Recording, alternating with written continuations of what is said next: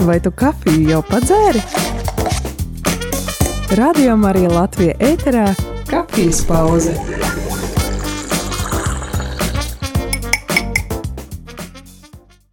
Jums runā Jānis Udrs, un šodien pie mums studijā viesos ir valsts prezidents Edgars Rinkēvičs. Prezidenta kungs, sveic jūs radījumā arī Latvijas Sveicināti. studijā. Un tūdaļ jautājums, vai jums bija viegli atrast laiku atbraukt pie mums? Pieņem, ka nē, jo es, kad runāju ar jūsu mediju centru, jūtu, tur cilvēki ļoti precīzi strādā, bet viņiem bija grūti atrast, izbrīvot šo laiku. Jo lielāks paldies, un kāds tad ir šis laiks starp Ziemassvētkiem un Jauno gadu? Labdien, vēlreiz! Labdien, Udrikungs, labdien, klausītāji! Laiks ir diezgan darbīgs, jo, lai arī, protams, gan Ziemassvētki, gan jaunais gads ir mazliet tāda iespēja apstāties, paraudzīties atpakaļ, padomāt par to, ko darīt uz priekšu. Ir kaut kādi ikdienas darbi, kurus neviens nav īsti arī atcēlis, sākot no kaut vai prezidentam satversmē uzticēto funkciju īstenošanas, likuma izsludināšana. Arī nu, mēs mēģinām saplānot, varbūt intervijas, tāpēc arī uh, man ir tiešām prieks, ka bija iespēja arī ieplānot viesošanos šeit. Un, protams, arī jaungada uzruna, jaungada uzrunas ieraksts, kas varbūt parasti izskatās tāds īss, koncentrēts, bet kurā tiešām gan man, gan maniem kolēģiem nu, ir jāieliek diezgan daudz darba. Tā kā diezgan darbīgs laiks.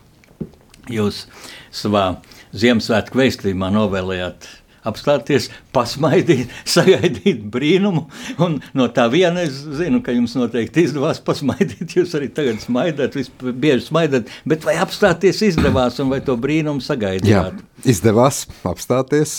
Nu, par brīnumu tā grūtāk teikt. Nu, bet, tad būs vēl. Bet domāju, ka būs, bet pēc ilgāka laika Ziemassvētki, faktiski visi svētku laiks, viss svētku laiks man bija drusku tiešām tāda iespēja apstāties. Man bija arī prieks viesoties Masalacā, bez īpašas pieteikšanās, bez īpašas brīdināšanas, vienkārši baudīt 25. decembrī pirmos Ziemassvētkus nelielā vidzemes pilsētā, kur jāsaka, ka tiešām izcili, kā cilvēki spēja priecāties, baudīt, tiešām pasmaidīt. Bija daudz, varēja redzēt arī viesu.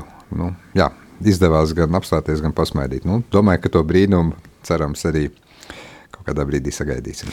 Bet es tā pieņemu, ka šajā apstāšanās brīdī jūs arī pavērtējāt un ar sevi tā domās, tā teicāt, no Edgars, pusgads ir pagājis šajā amatā. Kādu, kādu atzīmi jūs sev likt? Es domāju, pēc piecas balvu sistēmas, jo manuprāt, kad jūs beidzāt vidusskolu, vēl bija piecas balvas. Nē, tieši man bija pārējais periods Oho. no piecām uz desmit, bet ziniet, es diezgan stingri no paša sākuma esmu teicis visiem žurnālistiem, kas man ik pa brītiņam aicina vērtēt, nu kā jūs vērtējat valdības darbu, tur piecu, desmit vienalga kādā bāļu sistēmā, vai kā jūs vērtējat to vai citu politiķi vai, vai to vai citu institūciju, ka es atzīmes neizlikšu.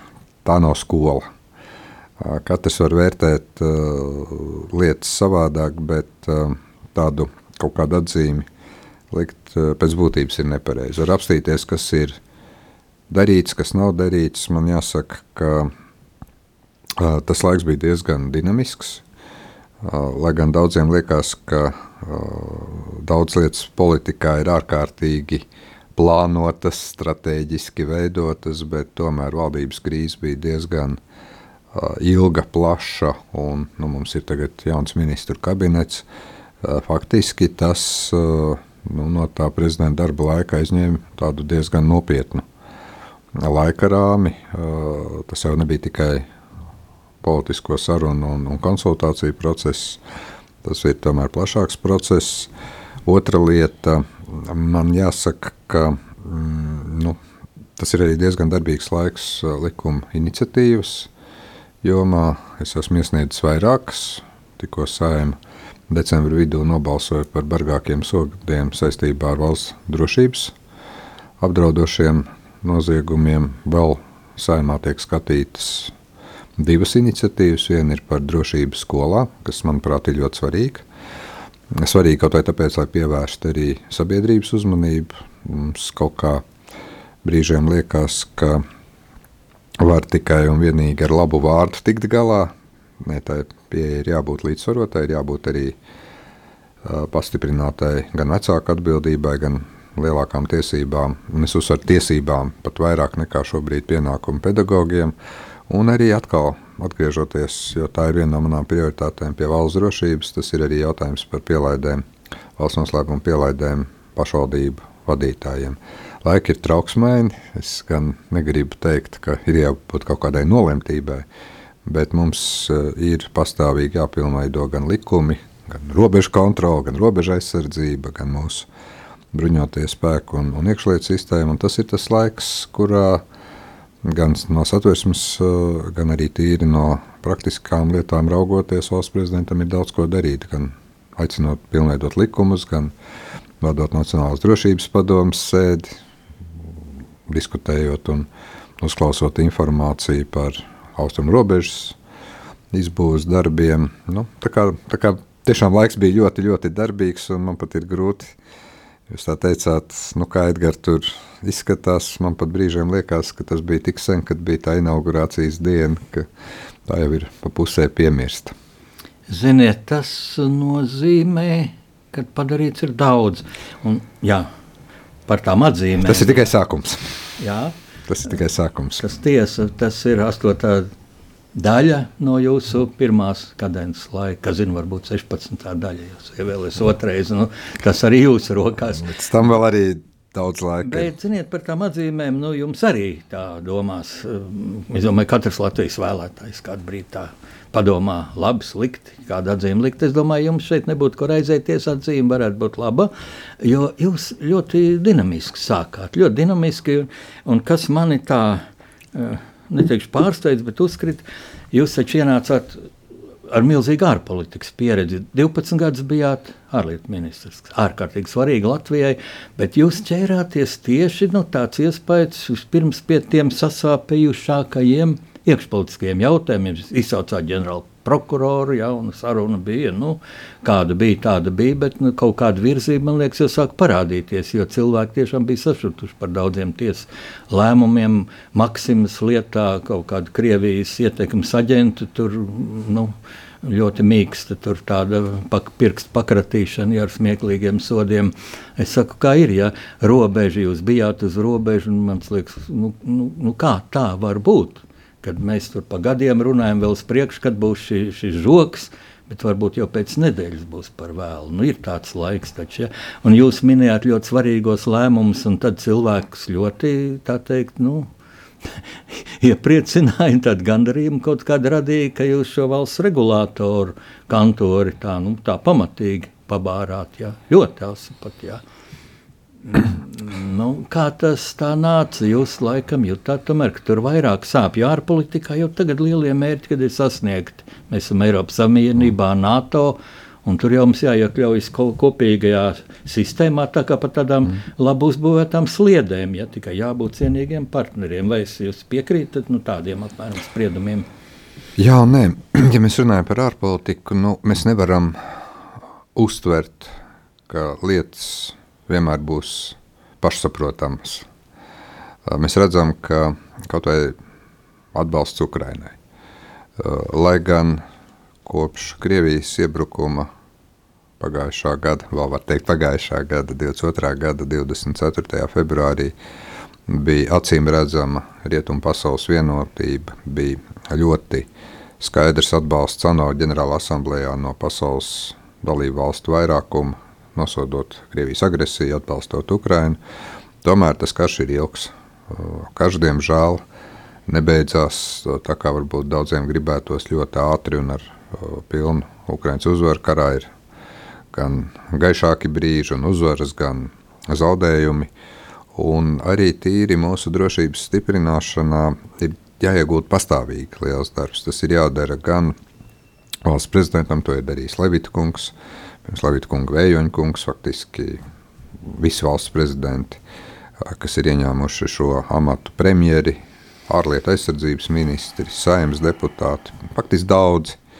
Un es domāju, ka nākamajā gadā būs ļoti līdzīgi. Nākamā gadā ir tomēr vēl jānodrošina, lai Ukraiņa saņemtu gan finanšu palīdzību, gan turpinātu militāro palīdzību saņemt. Ir vēlēšanas Amerikas Savienotajās valstīs, un tur no Latvijas, Baltijas valstu un līdzīgi domājošo valstu diplomātijām būs ko darīt. Tas nav tā, ka viss ir kārtībā un varam atslābt. Tas ir pastāvīgs darbs. To es esmu sapratis pēdējo 12 gadu laikā.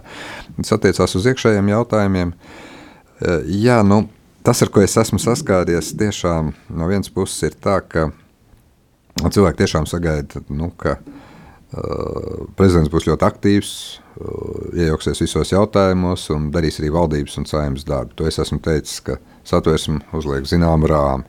Satversme neaizliedz prezidentam klusēt, satversme neaizliedz prezidentam izteikties par jautājumiem, aicināt, mudināt, dažreiz arī pateikt kādu kritisku vārdu. Varbūt arī tādos jautājumos, kur citas varas, kā izpildvara un likumdevēja vara, nu, ievērojot zināmu varu līdzsvaru principu, kautrējās pateikt, bet jā, mums bija Jēkabils traģēdijas stāsts, Man tiešām jāsaka, ka iepriekšējā valdība premjera Kariņa vadībā ieklausījās manā aicinājumā un spēra ļoti, manuprāt, simbolisku morālu žestu, izmaksājot kompensācijas Jākapils traģēdijas, traģēdijas upuru ģimenes locekļiem, bet tā pašā laikā mēs redzam, ka ir kaut kādas lietas, kur ir, manuprāt, pozitīvas pārmaiņas tiesvarā. Tiesvara mums ir neatkarīga, to neviens neapšauba, bet tiesvarai ir pirmkārt jāspēj izskaidrot savi spriedumi. Un, ja, piemēram, atrodoties Zolitūdas uh, desmitgades traģēdijas piemiņas vietā, 21. novembrī, kad man vairāk cilvēku saka, ka tie spriedumi varbūt ir tur pēc likuma burta pareizi, bet viņi nav taisnīgi, tad tas ir jautājums, uz kuru tiesu varai ir jāspēj arī sniegt ļoti skaidrs, pamatots viedoklis, kas tur bija pareizi vai nebija. Bet es saprotu, ka lieta turpinās, ir ierosināta kasācijas sūdzība, tā kā galavārds nav teikts. Tas tiešām paliek tiesvaras ziņā neatkarīgi izspriest šo lietu, bet jāsaprot, ka jebkurš lēmums ir jāskaidro un jāpamato. Un jāpamato varbūt ne tādā sausi juridiskā, bet arī cilvēkiem saprotamā valodā. Ir kaut kādi labi piemēri, kur tiešām lietas mainās uz labo pusi, bet ir arī lietas, kuras turpināšu runāt un aicināt tiesu varu tomēr skatīties uz jautājumiem gan no drošības viedokļa, gan saprast, ka tur ārā nav 2013. gads, bet, diemžēl, 2023. vai pavisam drīz 2024. gads, ka nacionālās drošības jomā apkarojot spiegošanu, kaut kāda veida naida runu, vienalga, kam tā ir adresēta, ka tur tomēr likums dod pietiekamas iespējas, tās nav bieži vien likuma vainas, bet tās ir tiesneša, prokurora izpratnes par lietām, un šeit vēl mēs netuvu nesam tikuši ārā no, no tādas varbūt, es teiktu, miera laika attieksmes, bet uh, Es eh, nekad nejaukšos konkrētu lietu izskatīšanā, bet eh, mudināšu un aicināšu tiesu vāru skaidrot, saprast, varbūt, kas ir lietas, kas ir grozāmas likumos. Starp citu, tie pirmie likuma grozījumi, ko es pieminēju, lielā mērā tap arī pēc diskusijām ar augstākās tiesas priekšstādātāju ģenerālu prokuroru, kad es sapratu, ka tomēr ir kaut kur arī jāpieprecizē gan tie zemākie sodu sliekšņi, gan vēl tur jāizņem varbūt kaut kādi maigāki sodi par ļoti bīstamiem noziegumiem. Nu, par tiem regulatoriem un vispārējo tieši tas pats. Nu, viss, ko es esmu teicis kritiski, to es varu atkārtot. Labā ziņa ir, ka tomēr ir uh, sakārtotāka sistēma šobrīd, kā atbalstīt cilvēkus, kuriem rēķina samaksāšana ir problēma, bet tiem, kam tā nav problēma, nu, tiem būs nedaudz lielāka rēķina, jo ir stājušies spēkā jauni likumi, ko ir pieņēmusi sēma burtiski pirms dažām nedēļām. Uh, Bet mums ir ļoti daudz tiešām lietas, kur, jā, kā es teicu, es nevaru dot norādījumus ne valdībai, ne saimai, bet pateikt, kas man nepatīk, un aicināt un mudināt ministrus, premjeru, saimnes deputātus darīt savādāk. Tas ir tas, ko es arī darīšu. Jā, man nāk prātā kāda sena man intervija ar Vairvīķu Freibergu valsts prezidenti, kad es viņai teicu, nu, Daudz ir tādā pārliecībā, un arī mēdīji dažkārt daži to izplata, ka nu, prezidentam jau nekādas tiesības nav tikai teikt, reprezentēt valsti. Un, tā, un patiešām satversmē ir teikt, prezidents ar to, to, to, un tas uzskaitījums ir mazs. Ja? Un tad atbilde no viedās vairs Vīts Freibergs bija tāda, bet nekur jau nav teikts, ka viņš nedrīkst darīt vairāk. Man ir ies, tāds iespējas, ne iespējas pārliecība no faktiem izējot, ka jūs uh, tieši ejat šo ceļu, ka jūs darat, jo, jo nav jau teikts, ka prezidents nevar to, to, to. Ja negribēs darīt, tad jā, tas nav man teikts. Es teiktu, es pilnīgi piekrītu Vairai Viķai Freibergas kundzei, ka nekur jau nav teikts, ka nevar nerunāt, ne, nedarīt vairāk. Bet uh, kur gan ir tā bīstamība, kas dažreiz ir jāatcerās, ka Katram ir jādara savs darbs. Un, uh, bieži vien jau tā situācija ir tāda, ka mm, kaut kādu iemeslu dēļ, vai nu tā ir politiskā konjunktūra, kaut kāda politiskā situācija, varbūt vienkārši nav izprat, ne, nu, ne visi jautājumi tiek uh, pietiekami ātri aktualizēti un, un, un risināti. Bet uh, es tiešām uh, ļoti daudz esmu pētījis un mācījies no faktiski visiem priekštečiem. Šajā amatā es ļoti labi saprotu, tagad daudz labāk saprotu nekā varbūt pirms 8. jūlija, pirms tās inaugurācijas dienas, kādi ir tie nu, gan uh, ierobežojumi prezidentam, gan uh, tas, ko no viņa sagaida, gan arī tas, ko viņš var īstenībā darīt. Un tā bieži vien uh, ir gan māksla, gan, gan arods, gan mazliet arī zinātne, kā to visu sakombinēt. Es tiešām esmu daudz mācījies eh, no visiem prezidentiem. Faktiski sākot no Jāņa Čakstas, esmu lasījis vienu otru runu, vienu otru mm, aprakstu. Pats esmu bijis savu laiku prezidenta kancelejas vadītājs, bet es labi zinu, ka, un es to esmu bieži teicis, ka, ja kāds domā, ka nu, tagad ir ir ieradies jauns laimes lācis ciemā, un nu, tagad būs visiem laime. Nu, tā diemžēl nebūs. Ir ļoti daudz lietas, kas var tikt padarītas pašu cilvēku mm, ikdienas dzīvē, pašvaldību dzīvē, arī valsts dzīvē, bet, uh, bet nu, tur, kur būs iespēja kaut ko mainīt, tur es arī būšu klāt. Cik interesants tā pieeja, ka jūs, māt, jūs minat jau sakot ar prezidentu Čaksti, un, un es arī, kad, jau kad jūs ievēlējāt, Es tā paskatījos, nu, es esmu vēsturisks romāna autors. Es Jā, paskatījos zinu. jūs, jūs visu iepriekšējo desmit prezidentu kontekstā, jūs esat 11. kaut kā simboliski, jūs sākat tādu jaunu desmitnieku, un es eh, konstatēju vienu ļoti lielu priekšrocību jums, kas vēl nu, nevienam citam nav bijis. Čakstam pat nav bijusi. Ja? Bija domas deputāts Zariskajā Krievijā, bet jūs esat, jums ir milzīga pieredze valsts administrācijas darbā, ja, kad jūs bijāt 11 gadus ja, ār, eh, aizsardzības ministrijā valsts eh, sekretārs. Un, eh, kas ir interesanti, šis politiskais amats ministrs nāca un gāja, ja, un tur bija veiksmīgāk, neveiksmīgāk, nu, dažādi, kā, kā tā politiskā konjunktūra izveidojās. Ja. Bet uh, Jūs nodrošināt mm, pēctecību, ja? un, un tas ir tas, mm, kā ļoti pietrūkst daudzās citās ministrijās. Tagad arī, nu, piemēram, izglītības ministrijā, kā nāk jauns ministrs, gudro kaut jaunu koncepciju, un, un piedodiet, bet taču vajag pēctecību tiem, tiem skolotājiem, tiem, tiem vienkāršiem darba rūķiem, taču vajag, vajag nu, kā ir iesākuši tā strādāt, nu, un ja kaut kas, nu, tad uzlabot, ja, bet neuzgudrot jaunu velosipēdu.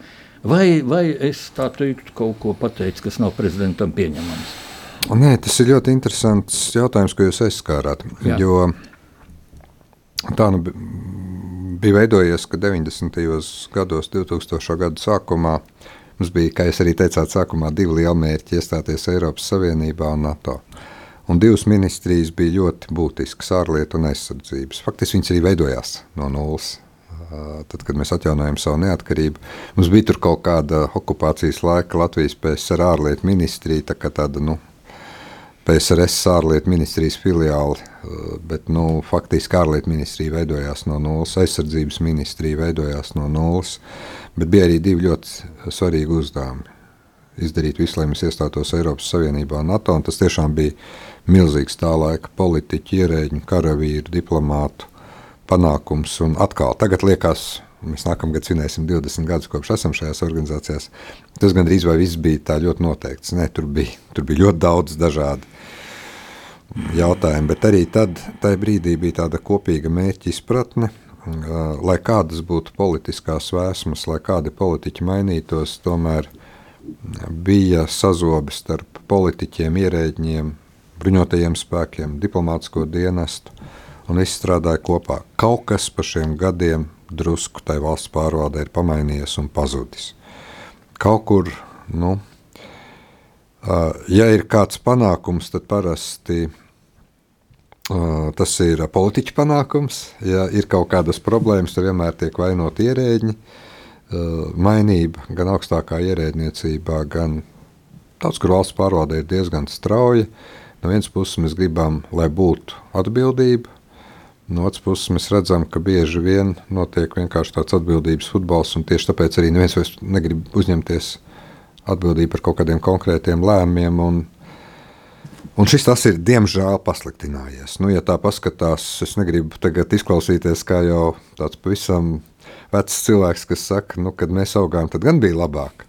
Bet kaut kas ir pamainījies un ne uz to labo pusi. It kā ir ļoti daudz procedūras, varbūt pirms 20, 30 gadiem lēmumi tika pieņemti ātrāk, bez noteiktām procedūrām, bet uh, viņi arī tika pieņemti viens otru īpaši nevainoja un centās kaut kādas kļūdas labot un iet tālāk.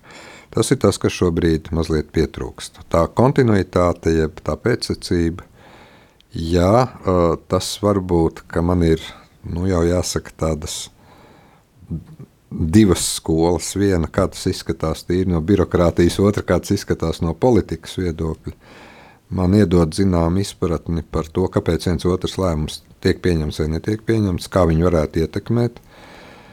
Bet kopumā, un to es esmu teicis arī vairākās intervijās, atkārtošu šeit, nu, nākamā gada uzdevumi mums visiem kopā un valdībai, jo īpaši ir tomēr kaut kur samazināt to birokrātijas slogu. Pie tam visur, sākot no dokumentu aprits un nemitīgās saskaņošanas augstākajā līmenī, līdz pat uh, konkrētu cilvēku, konkrētu jautājumu risināšanai dažādās iestādēs, no kontrolējošām līdz atbalstošām. Uh, Vai tā būtu uzņēmējdarbība, vai sociālajie pakalpojumi, vai kas cits.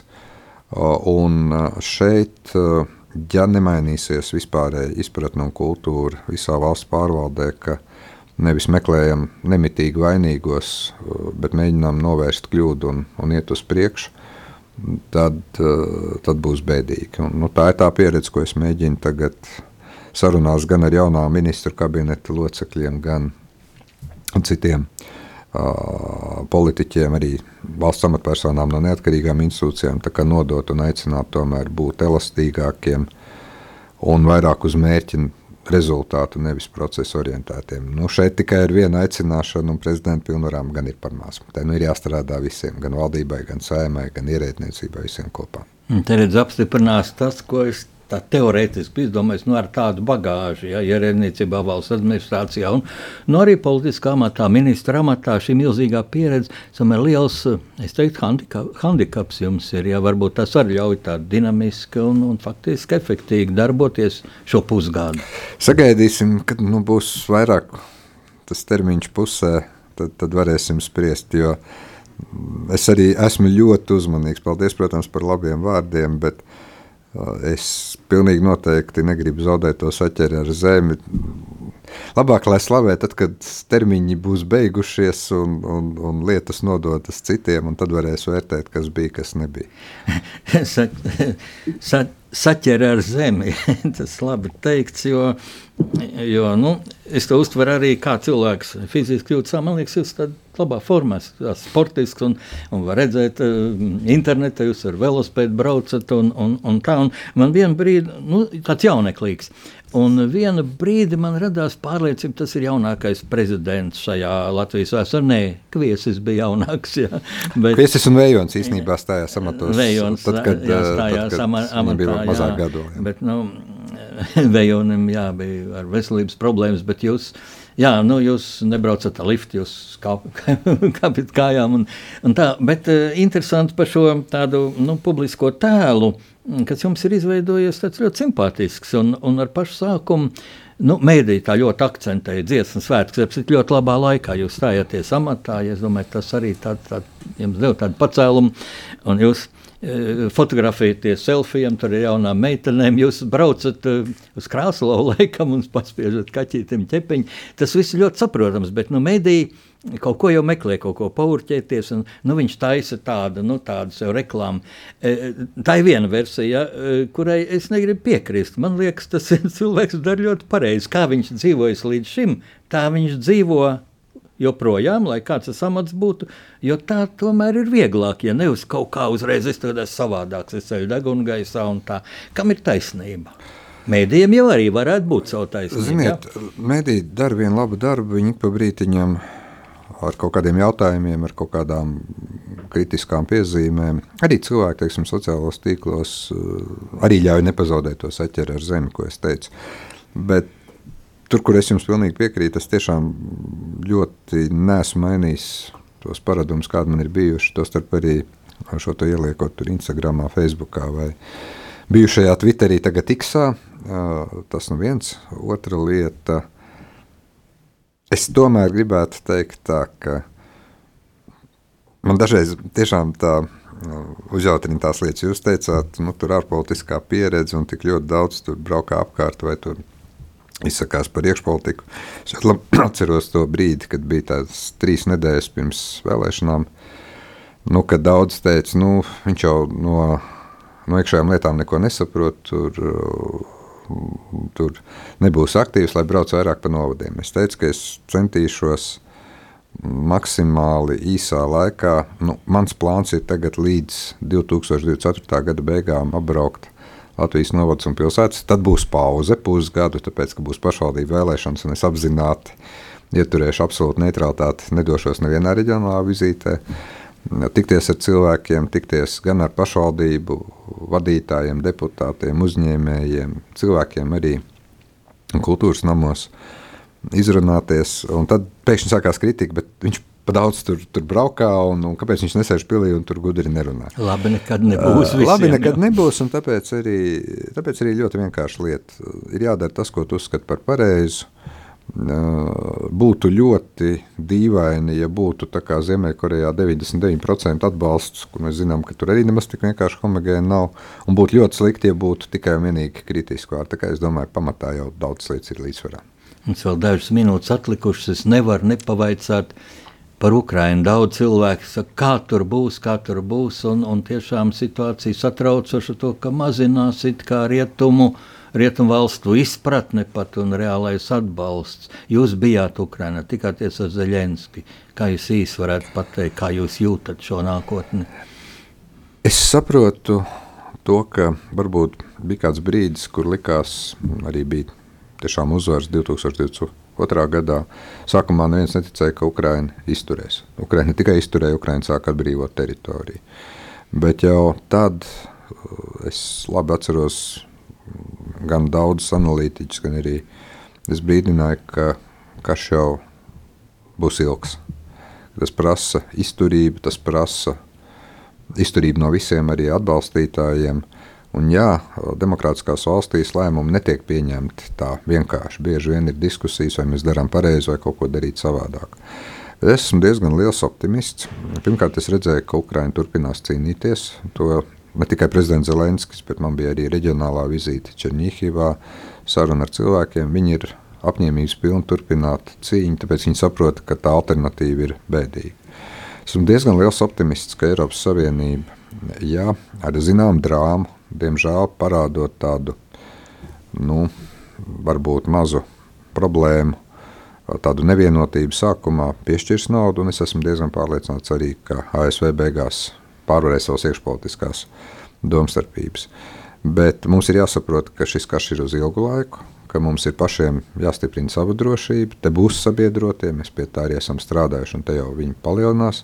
Mums ir jāturpina atbalstīt Ukrainu, mums ir jāsaprot, ka būs vēl gan gaišāki, gan netik gaiši brīži, bet kopumā es joprojām esmu pārliecināts, ka šis karš beigsies ar Krievijas zaudējumu, kad Ukraina spēs pastāvēt kā valsts un ka kopumā tās beigas būs labas, bet tas prasīs laiku, nervus, pacietību no mums visiem.